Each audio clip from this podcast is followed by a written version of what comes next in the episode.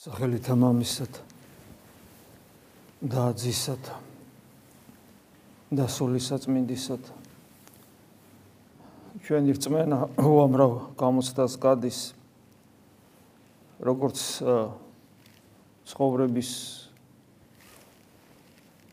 წესით, ანუ ჩვენ ყოფაში განსასწრების საშუალებით, განსასწრების მიერ როცა ყოველთვის დღება დღის წესრიგში ის თუ რამდენად არის ღმერთი ჩვენთან, რამდენად ესმის ჩვენი, რამდენად გვეხმარება, რამდენად გხედავს, რამდენად უყვარვართ.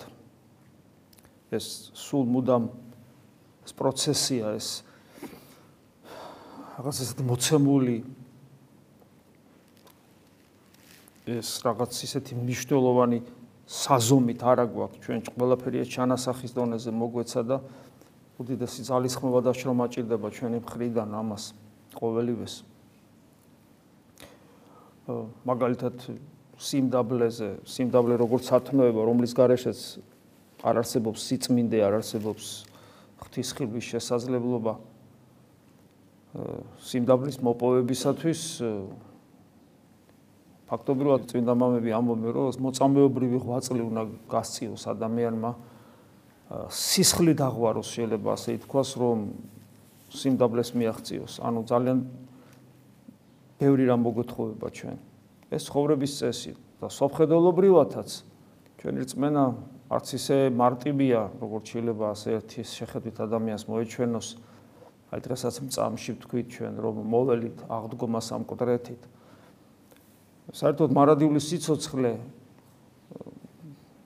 ძნელი ახსაქმელი და ძნელად მისაწვდომი რეალობაა, რომელიც არსებობს გვწამს ბაქრისტვის ვართ, მაგრამ ჩვენთვის ეს საიდუმლოებაა და დაფარულია. იმიტომ რომ ჩვენ ხედავთ იმათ, რასაც ხედავთ და ჩვენ ვიცით, რომ წმინდანები ღმერთსაც ხედავდნენ მის ღვთაებრივ ენერგიებში.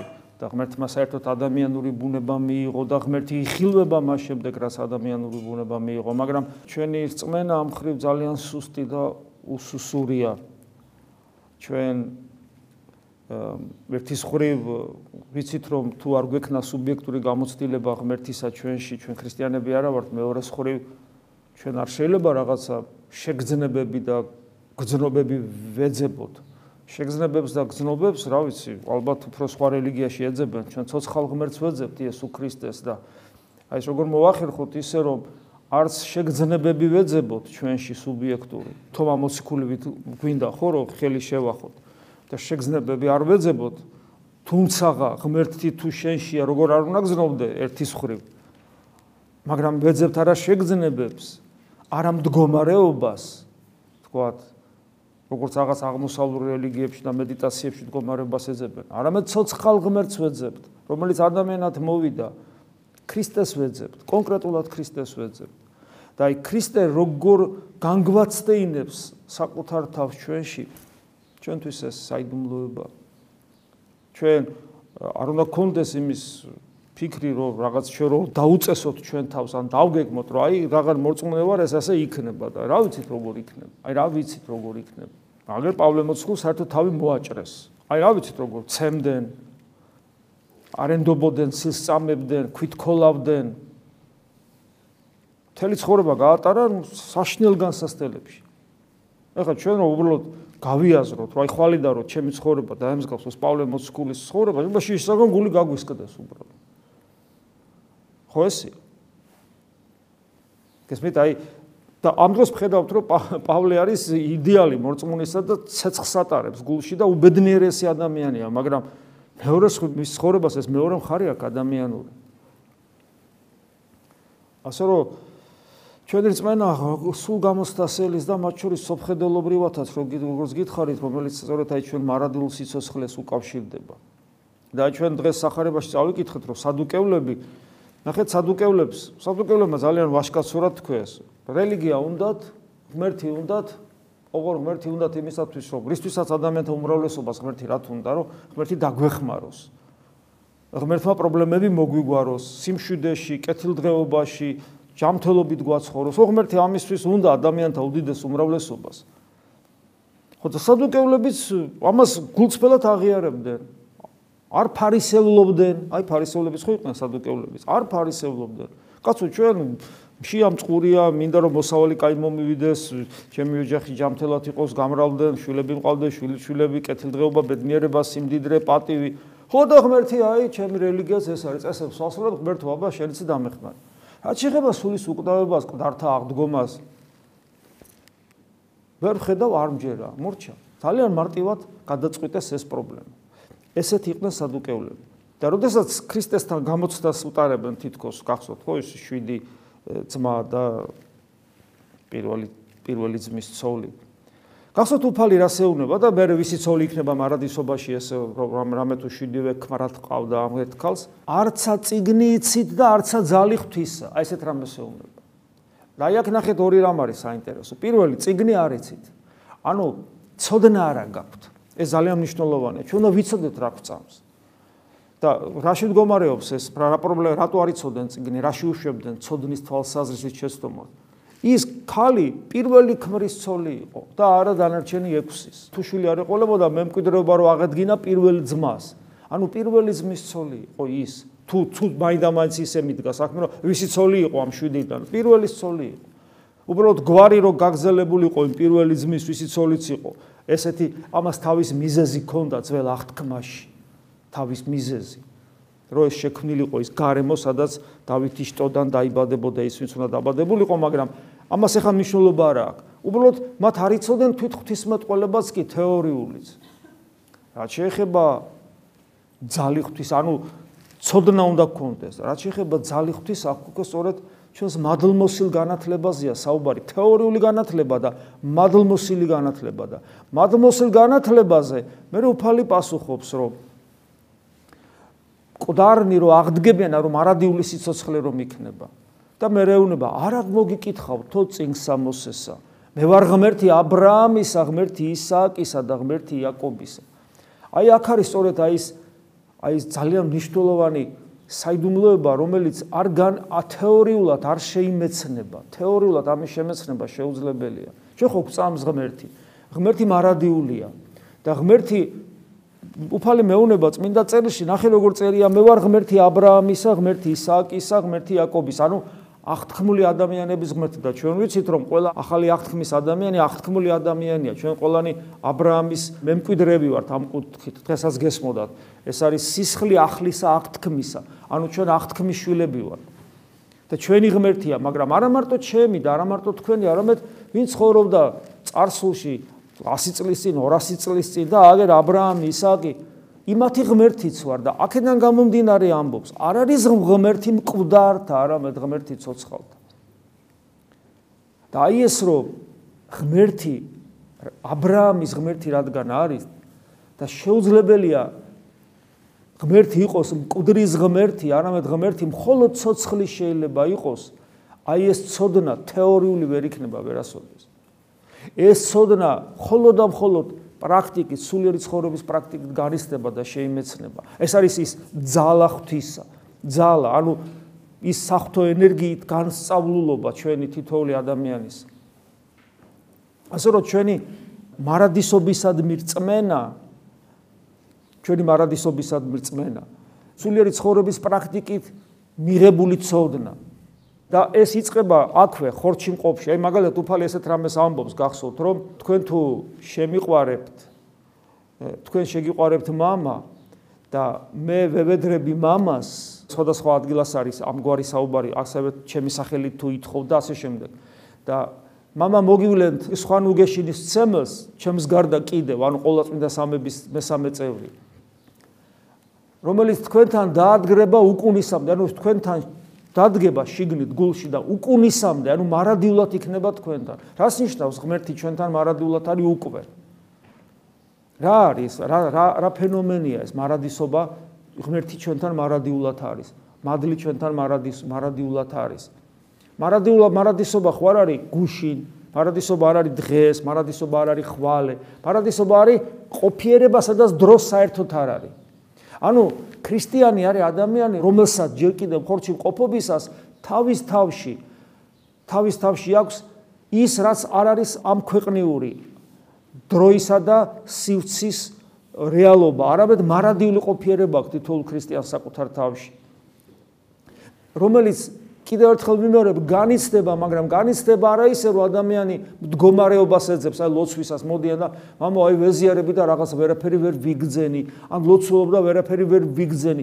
ეს ძირშივე შეცდომაა, როცა ადამიანი ცდილობს რაღაცა იგძნოს ზიარების დროს და ცდილობს ლოცვის დროს რაღაცა იგძნოს. ამავე დროს თუ არ იგრძენი, ესეც შეცდომა, არასწორია. ხედავთ რა დილემის წინაშე დგას ადამიანი. თუ არაფერს არ აგზნობ, სიმონ ახალი ღვთისმოწყალე ხაზგასმით გეუნება, უფლის სიტყვებზე დაყნობით, რომ შენში ღმერთია, წყარო ფეთქავს და შენ ამას ვერ აგზნობ? შეგი შეხო ქრისტიანი არა, როგორ შეიძლება რომ შენთან იყოს სამყარო შემოქმედი შენში და ვერ გზნობდე? მეორე მხრივ, შენ თუ შეგზნებას ეძებ, უკვე შეცდომას უშვებ. აი აქ არის სულიერი ცხოვრების პრაქტიკის აი ძალიან დიდი ეს სიბზნე, ნემსის ხრელია ფაქტიურად, ნემსის ხუნჩი უნდა გააძრეს ადამიანი. ეძებ ცოცხალ ღმერთთან ურთიერთობას. მთელი შენი აქტიურობა ჩართულია იმისკენ, მიმართულია იქითკენ, რომ ღმერთი ეძებო შენში მყოფი ცოცხალი, მასთან პიროვნული კომუნიკაცია გქონდეს. ღმერთი ეძებო და არა შეგძნება. და თუ შენ ღმერთს სწორად ეძებ, ის გაძლევს იმ სუბიექტურ შეგძნებას და გამოცდილებას, რომელიც შენი რაღაცა შემოქმედების, ფანტაზიის, რაღაც ნერვული სისტემის, რაღაც მდგომარეობის ناყოფი კი არ არის, არამედ თავად ღმერთია. აი ეს ძალიან ესეთი ნიუანსი სულიერი ცხოვრებისა უმნიშვნელოვანესი, აი გადის სწორედ ზღვარი ჭეშმარიტებასა და ტყუილს, ანუ ხიბლს შორის. და აი აქ, აი აქ თავდაცვის ერთადერთი გარანტი, რომ აი რაღაცა რაღაცაში არ გადავარდე, არის სიმდაბლე, რომელიც სისხლის ღვრით მოიპოვება. სიმონ ახალი ღვთისმოწყალე პირდაპირ ამბობს. აი ესეც სიტყვებს ამბობს, რომ სიმდაბლე შეგეშინდება. მე მინდა ერთხელ ამოგიწერო და ეს წაგიკითხოთ. ისეც სიტყვებს ამბობს, თუ როგორ შეიძლება როგორ მოიპოვება სიმდაბლე ადამიანში. უბრალოდ კითხ რო კითხულობ, კითხულობ, მაშინაც კი უბრალოდ ჩუმა ჩუმდები და აღარ იცი რა რა იფიქრო, რა რა როგორ შეხედო საკუთარ ცხოვრებას, როგორ საკუთარ თავს. გესმით? აი ეს არის ეს მარადიული სიცოცხლეა. რაც შეეხება ყდართა აღდგომას, ის რომ ჩვენ უნდა გავцоცხლდეთ გარდაცვლილნი და ის რომ ჩვენ რო გარდავიცვლებით და ჩვენი სულებით რო ღვთის წინაშე რო წარვდგებით, რომ ეს არ არის სასუფეველი ამ სიტყვის დიდი გაგებით, არამედ ეს არის წინა გემოსხილვა, უფრო უმეტესი და გაცილებით აღმატებული ვიდრე აკყოფნა, მაგრამ მაინც წინა გემოსხილვა მარადიული ნეტარებისა და გადავდივართ მოლოდინის მდგომარეობაში, როგორც ვკითხულობთ წმინდა წერილში, რომ მოლოდინის მდგომარეობაში არიან, მე პავლე მოციქულიც ხას უსვავს ამას და აპოკალიფშიც ვკითხულობთ ამას, რომ ესე იგი დარჩენილებს ველოდებით, თუ ჩვენ იქ ვიქნებით და ისინი ჩვენ გველოდებიან და რომ მოხდება მკვდართა აღდგომა და რომ წარმოუდგენელი რეალობაა ეს და რომ ეს არ ვიცით რა არის და წმინდა მამები ხაზგასმით ამბობენ რომ ვინსაც ვინც მარტო სულის უკვდავებაზე საუბრობს აღდგომის garaშე ის ქრისტიანი არ არის. და თქვენ თუ წაიკითხავთ ძველ მამებს ნახავთ რომ ხაზგასმით უპირატესად საუბრობენ კვდართა აღდგომაზე როგორც მარადიულ სიცოცხლე როგორც კვდრეთით აღდგომის შედეგი. ან კვდრეთით აღდგომა როგორც მარადიული სიცოცხლის აუცილებელი პირობა. იმიტომ რომ ქრისტე ხორჩი აღდგა გესმით? ქრისტე ხორჩი აღდგა. აი ეს ეს საერთოდ საერთოდ მე დარწმუნებული ვარ თითქმის რომ ძალიან ბევრმა მორწმუნემ რომლებიც ეკლესიაში დადიან და ეზიარებიან. ეს ამ ამაზე არც ფიქრობენ და არც კი იციან ეს რა ფენომენია საერთოდ. მიუხედავად იმისა რომ წამში ამბობენ რომ მოველი აღდგომა სამყდრეთი და ცხოვრებასა მერმისა მის საუკუნესასა ამინ და ბეჭდავს. აი წამ ჩვენი წამსი ამით მთავრდება. ეს არის ჩვენი მოლოდინი მოველი მოველი ჩემი მოლოდინია ეს ამაზე რა თქმა უნდა ძალიან ბევრ საუბრობდნენ. თეორიულად ბევრი რამის თქმა შეიძლება ერთ-ერთი ყველაზე ესეთი ფრთიანი გამონათქვამი იუსტინე მარტულს აქვს მეორე საუკუნის აპოლოგეტია ესა. იგი ესე ამბობს რომ მკვდრათა აღდგომის მოწინააღმდეგებს ეუნება რომ რა რა შემთხვევაში არ აღდგებიან მკვდრები პირველი თუ ღმერთს არ შეუძლია და არ შეუძლია ღმერთს? არაფრისაგან სამყარო შემოქმეს არ შეუძლია რომ ყველა ადამიანს დაუბრუნოს სხეული. და მეორე თუ არ უნდა და როგორ არ უნდა როცა წერია რომ უნდა წმინდა წერილში გამოცხადებითა და ქრისტე თავად ეგრე აღდგა ხორცით აღდგა ამიტომ ჩვენ აი აქაც გვაქვს რაღაც ძალიან დიდ საიდუმლოებასთან საქმე რა თქმა უნდა კითხვას სვავენ და რა საჭიროა? პავლე მოციქულს სადამდე უსმენდნენ? სანამ ის ლაპარაკობდა კარგად ქრისტეზე, მარადილ სიცოცხლეზე, ღმერთზე უსმენდნენ. როგორც კი მკვდართა აღდგომა ახსენა და მკვდრთით აღდგომა ახსენა, იმ წამსვე გაემიჯნენ. იმიტომ რომ წარმართული ლოგიკა და ჩვენ კი არ განსხვავდებით ხშირად სამწუხარო წარმართებისაგან. ლოგიკა ასეთია. ამ ხორცმა დამღალა. მე წამს ღმერთი, წამს მარადიული სიცოცხლე და აქ ერთ-ერთი რამაც დამღალა, აი ჩემი თავია. და რა რაში მჭirdება ხორცი? რა თქმა უნდა, პირველ რიგში უნდა ითქვას, რომ ყდათით ამდგარი ხორცი აღარ არის ასეთი ხორცი, როგორც მაცხოვრის ხორცი აღარ იყო, ჩვენ არ იქ ჩანს წმინდა წელიშის, რომ ის ხვანაერია. ის არ არის ასეთი ხორცი. მაგრამ ამ კითხვაზე პასუხი რაში მჭirdება? ამ კითხვაზე პასუხი ძალიან რთულია. რთულია, იმიტომ რომ ჩვენ თვითონ ვერ ვაფასებთ ჩვენ ბუნებას, ჩვენ ვერ ხვდებით რა რა მნიშვნელობა აქვს ჩვენს ორნაწილედობას. ბოლომდე ჩვენ ეს არ გვესმის. რატომ არის ღვთისმეტყველებაში ადამიანი უფრო აღმატებული არსება ვიდრე ანგელოზი? რატომ არის? რატომ არის რომ ადამიანს განსაკუთრებულად ადამიანი ხასიათება მისი შემოქმედებითობის უნარი და ეს შემოქმედებითობა, შემოქმედებითობა პირდაპირ უკავშირდება მის ორნაწილადობას, რომ ესე იგი დიხოტომიურობას, რომ სულიც აქ და ხორციც რო აქ. და რომ ხორცის garaში ადამიანი შემოქმედ ვეღარ შემოქმედებითობს. ვეღარ შემოქმედებითობს. თითქოს ეს არის მუსიკოსო ინსტრუმენტს წაართმევ, ინსტრუმენტის garaშე როა და არ შეუულია მას თავისი ვირტუოზობა დაამტკიცოს და განავითაროს, იმიტომ რომ ინსტრუმენტი არა აქვს, რომ ეს ინსტრუმენტია. ჩვენ რეალობაში ამას მაი მეტნაკლებად ხვდებით, რომ ხორცი ჩვენი ინსტრუმენტია სიკეთის თუ ბოროტების ქმნაში. ხორცი შეიძლება სიკეთი აკეთო, შეიძლება ბოროტება აკეთო. გესმით? აი ეს არის. ბევრი ნიუანსი აქვს. ხო და მე უფალი ამის მე შენ თუ რაღაც ისე არ გვესმის გამოცხადების შესაბამისად გვეუბნება რომ თქვენ ფრიად ცდებით თუ ეს კარგად ბოლომდე არ გესმით. ხოლო ჩვენ არ უნდა შევცდეთ. და რა გავაკეთოთ რომ არ შევცდეთ რომ ჩვენი წმენა იყოს ნამდვილი წმენა და არა არა ის წმენა რომელიც შეიძლება ჩემ თავში კომფორტულად გზნობდეს თავს და ის რაც დისკომფორტს იწვევს რაც ჩემთვის გაუგებარია განვაგდო ეგ ერთი და მეორე ხორცის მარადიულობა პასუხისგებლობის წინაშე სხვანაირად მაყენებს, იმიტომ რომ ხორცი მაშინ წმინდა უნდა იყოს. იმიტომ რომ ის ტაძარია, ეგ ერთი და მეორე ის წმინდა უნდა იყოს. არ შეიძლება ხორცი გავაუწმინდურო. და ერთ-ერთი და დასტური მართლმადიდებლობისა, რომ ხორცი როგორც ტაძარი და ის რაც მარადისობაში წუნავიდეს, არის წმინდათა ნაწილის პატივისცემა, ნაწილების პატივისცემა, მათი გარდაცვლილი სხეულების პატივისცემა, როგორც მადლის ჭურჭლისა. და სასაულებიც მრავალი ხდება, ჩვენ ვიცით სურნელებაც აქვს და ასე შემდეგ. და რა უნდა გავაკეთოთ, რომ ჩვენი რწმენა არ აცდეს გზას, არც თეორიულად, არც პრაქტიკულად. აი პეტრე მოციქული თავის პირველ ეპისტოლეში დღესვე გვეუბნება პირველი ერთ-ერთი მთავარი უფალი ქრისტე წმინდა ყავთ თქვენს გულში გულისმიერი სიწმინდე ეს არის პირველი პირობა. წმინდა გულის გარეშე რომელსაც წინ უსწრებს ცხრანეტარებაში ხო გახსოვთ?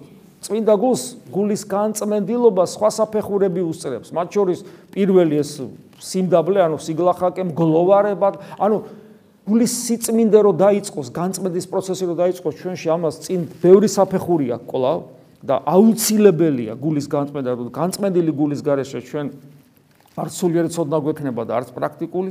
მე რეაგზელებს წფელი იყოს თქვენი სინდისი, სინდისი, პეტრე მოციქული ამბობს. ანუ თანამედროვე ქართულად ესე შეიძლება ითარგმნოს, გონება გაქონდინ კეთილი. თანამედროვე ქართულადაც წერია წფელი იყოს თქვენი სინდისი და ძველ ქართულად გონება კეთილი კეთილი გონება გქონდეთ და ხშირად მithქვავს რომ სინდისი როგორც შემეცნების ანუ ადამიანს აქვს გონება რომელთაც შეიმეცნებს სამყაროს და ის გონება მრავალნაწილადია მათ შორის ლოგიკური აზროვნებაც ღმერთის შემეცნების უნარის და ზნეობრივი კანონის შემეცნების უნარი. ანუ სინდისი. და სინდისი კონდეთ კეთილი წფელი იყოს. ჩვენ ვიცით რა შემთხვევა შეიძლება იყოს წფელი სინდისი. წფელი ანუ კეთილი სინდისი მაშინ შეიძლება იყოს როცა ის სახარებისეულ ფასეულობებზე, სახარებისეულ ღირებულებებზე არის გასწორებული და არა თავისთავად. თავისთავად ის ვერ იქნება კეთილი. მე რეაგზელებს მარადვჟამ მზათიყავით, რომ სიმშვიდით და გრძალვით მიუგოთ ყველას, ვინც გთხოვთ თქვენი იმედის ახსნას. მნიშვნელოვანია. ჩვენ მოველი აღდგომასა მკვდრეთით. მოველი, ეს ჩემი იმედია, მოველი ქრისტეს მოველი. ანუ ჩვენი რწმენა ფოკუსირდება ქრისტეზე და მასთან შეხვედრის მოლოდინზე, რომელიც იქნება აღდგომასთან თანხვედრი, როცა პავლე ამბობს, რომ ესე იგი უფალიო მოვა და ჩვენ აღტაცებული ვიქნები და ღრუბელთა ზედა, ანუ რაღაც ტრანსცენდენტულ ყოფიერებაში, ესე ვთქვათ, და მარადის უფალთან ერთად ვიმყოფოდეთ, როცა პავლე მოციქული ამას ამბობს. აქ იგულისხმება მკვდართა აღდგომა, ზუსტად უფალი მოდის და ჩვენ აღდგებით და ესე მოხდება ჩვენი შეხვედრა. ეს არის ჩვენი იმედი, იმედი.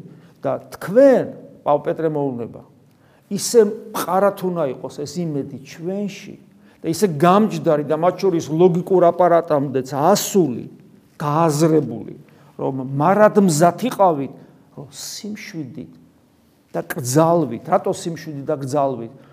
ესე იგი მე ჩემ რაღაც პოზიციას კი არ ვამტკიცებ და ჩემი შეუვალობით ფანატიკურად კი არა, ეს როგორც ორჯერ 2 4 ისე ვიცი და განცდილი მაქვს და ჩემია. ამიტომ მე არაფრის დამტკიცება არ მჭირდება, მე ჩემი ცხოვრებით ვამოწმებ, რომ ეს 100, ამიტომ არ მშვიდი და გძალვით, გძალვით იმიტომ რომ რაზე ვსაუბრობ და ვიზე ვსაუბრობ და ადამი გძალვით ადამიანის მიმართაც, იმიტომ რომ ესიც ღვთის ხატია და თითქოს ღმერთმა მოიყვანა ჩემთან რომ მას ეს გავაგებინო და აი მზათიყავით. მზად ყოფნა ნიშნავს ეს მისიონერული სულის კვეთებაა, ხო? ნიშნავს რომ შენ ყოველთვის ყოველთვის შინაგანად ღმერთს განიცდი. და შენი ბუნებრივი მდგომარეობად გადაიქცა. აი ამას გვეუბნება. მე რაგზელებს, რათა შერცხვენილი დარჩენ ისინი, ვინც გმობენ თქვენს კეთილ ცხოვრებას ქრისტეში. იმიტომ რომ ვისაც ისი არ აწამს, როგორც ჩვენ გვწამს, ჩვენ მათგან ყოველთვის დაცინვის ობიექტნი ვართ. ეს ესე იყო პირველი საუკუნეებში და ესია ახლას, რამე ახალი კი არ ხდება, როცა ეკლესიას დაცინიან და როცა მორწმუნეებს ზემოდან უყურებენ. ახალი არაფერი არ ხდება, მაგრამ ისინი უნდა შერცხვნენ, ისინი რო შერცხვებიან, ეს ჩვენი მათზე გამარჯობა კი არ არის. თუ ურწმუნო, რომელიც ჩემთან პაექრობს, შერცხვება ურწმუნოს, შერცხვენილი აღმოჩნდება, ეს მისი გადარჩენის დასაწყისია. ამიტომ მე თუ სიმშვიდე და გრძალვით დავამოწმებ ჭეშმარიტებას, რომ ქრისტე ღმერთია და ჩვენ მარადიულნი ვართ, ის შერცხვება თავისი პოზიციისგან გამომდინარე რომ მოვა დამეჯახა ჯიქურ და უცებ დამეჯახა ჯიქურ და ჩემგან მუშტი კი არ მოხვდა. ჩემგან სიყვარული დახვდა რომელიც სიყვარული ღმერთისგან გამომდინარეა და ის ღმერთ ჩვენში ხედავს და აღმოჩნდება შერცხვენილი თავისი პოზიციის გამო. ეს მისი გადარჩენა არის და ნახეთ ერთ-ერთი აუცილებელი პირობა. როცა დაინახავენ შეცხვედილი დარჩება და იმიტომ რომ მოვიდნენ გმობდნენ და ამ დროს თქვენ კეთილი ცხოვრება გქონიათ ქრისტეში და ამ სიკეთის დამნახველი იქნებიან როგორც მარჯვენ ჯვარს მლავაზაკს დაემართა. თავიდან გმობდა ქრისტეს და უცებ მისი უსასრულო სიყვარული რო დაინახა როგორი გახდა და ცხონდა კიდევაც. და ყოველთვის მე ასე დროს ადამიანებს ეძლევა ცოდნა ჩვენ ჩვენი ქრისტე რომელიც ჩვენი ცოდვებისათვის ეუნო ის ადამიანი ინტუიციურად ხვდება, რომ ღმერთი მისთვისაც მოკვდა და მოკვდა ხორცით. წერ აგძელებს პეტრე მოციქული. მე აღდგა მკვდრეთით და აი მკვდრეთით აღდგომა თეორია კი არ არის. ჩვენ ვინათლებ მონათლული ადამიანისათვის, რომელიც თანა დაეფლა და თანა აღსგა ქრისტესთან ერთად, ნათლობის მადლი თუ ჩვენ მასთან ვითანამშრომლობ და ეს ჩვენში განვითარდება, გამოცდილების სახით გვაძლევს ამას, რომ ქრისტე მკვდრეთით აღდგა და ჩემი აღდგომის წინამორბედია, ჩემი აღდგომის წინამორბედია. ანუ პრაქტიკაში გადადის ჩემი ცოდნა და ცადამაღლების შემდეგ დაждდა მარჯვენით მამისა. ანუ მუდმივი მეოხი გახდა ჩემთვის და მამის მარჯვენით დაждდომა ქრისტეს ქრისტესი როგორც ღმერთკაცის, ანუ ადამიანი რო აღიყვანა ზეცად მარჯვენით მამისა, რომელთანაც მე ონტოლოგიური არსობრივი კავშირი მაქვს ნათლობისა და ზიარების გზით გზიარებ ქრისტესთან ჩვენ ვინც მარჯვენით მამის მამისა ზის მასთან ჩვენ არსობრივი კავშირი გვაქვს იმიტომ რომ მისი სისხლი და ხორცი ვართ იმიტომ რომ ვეზიარებით აი ეს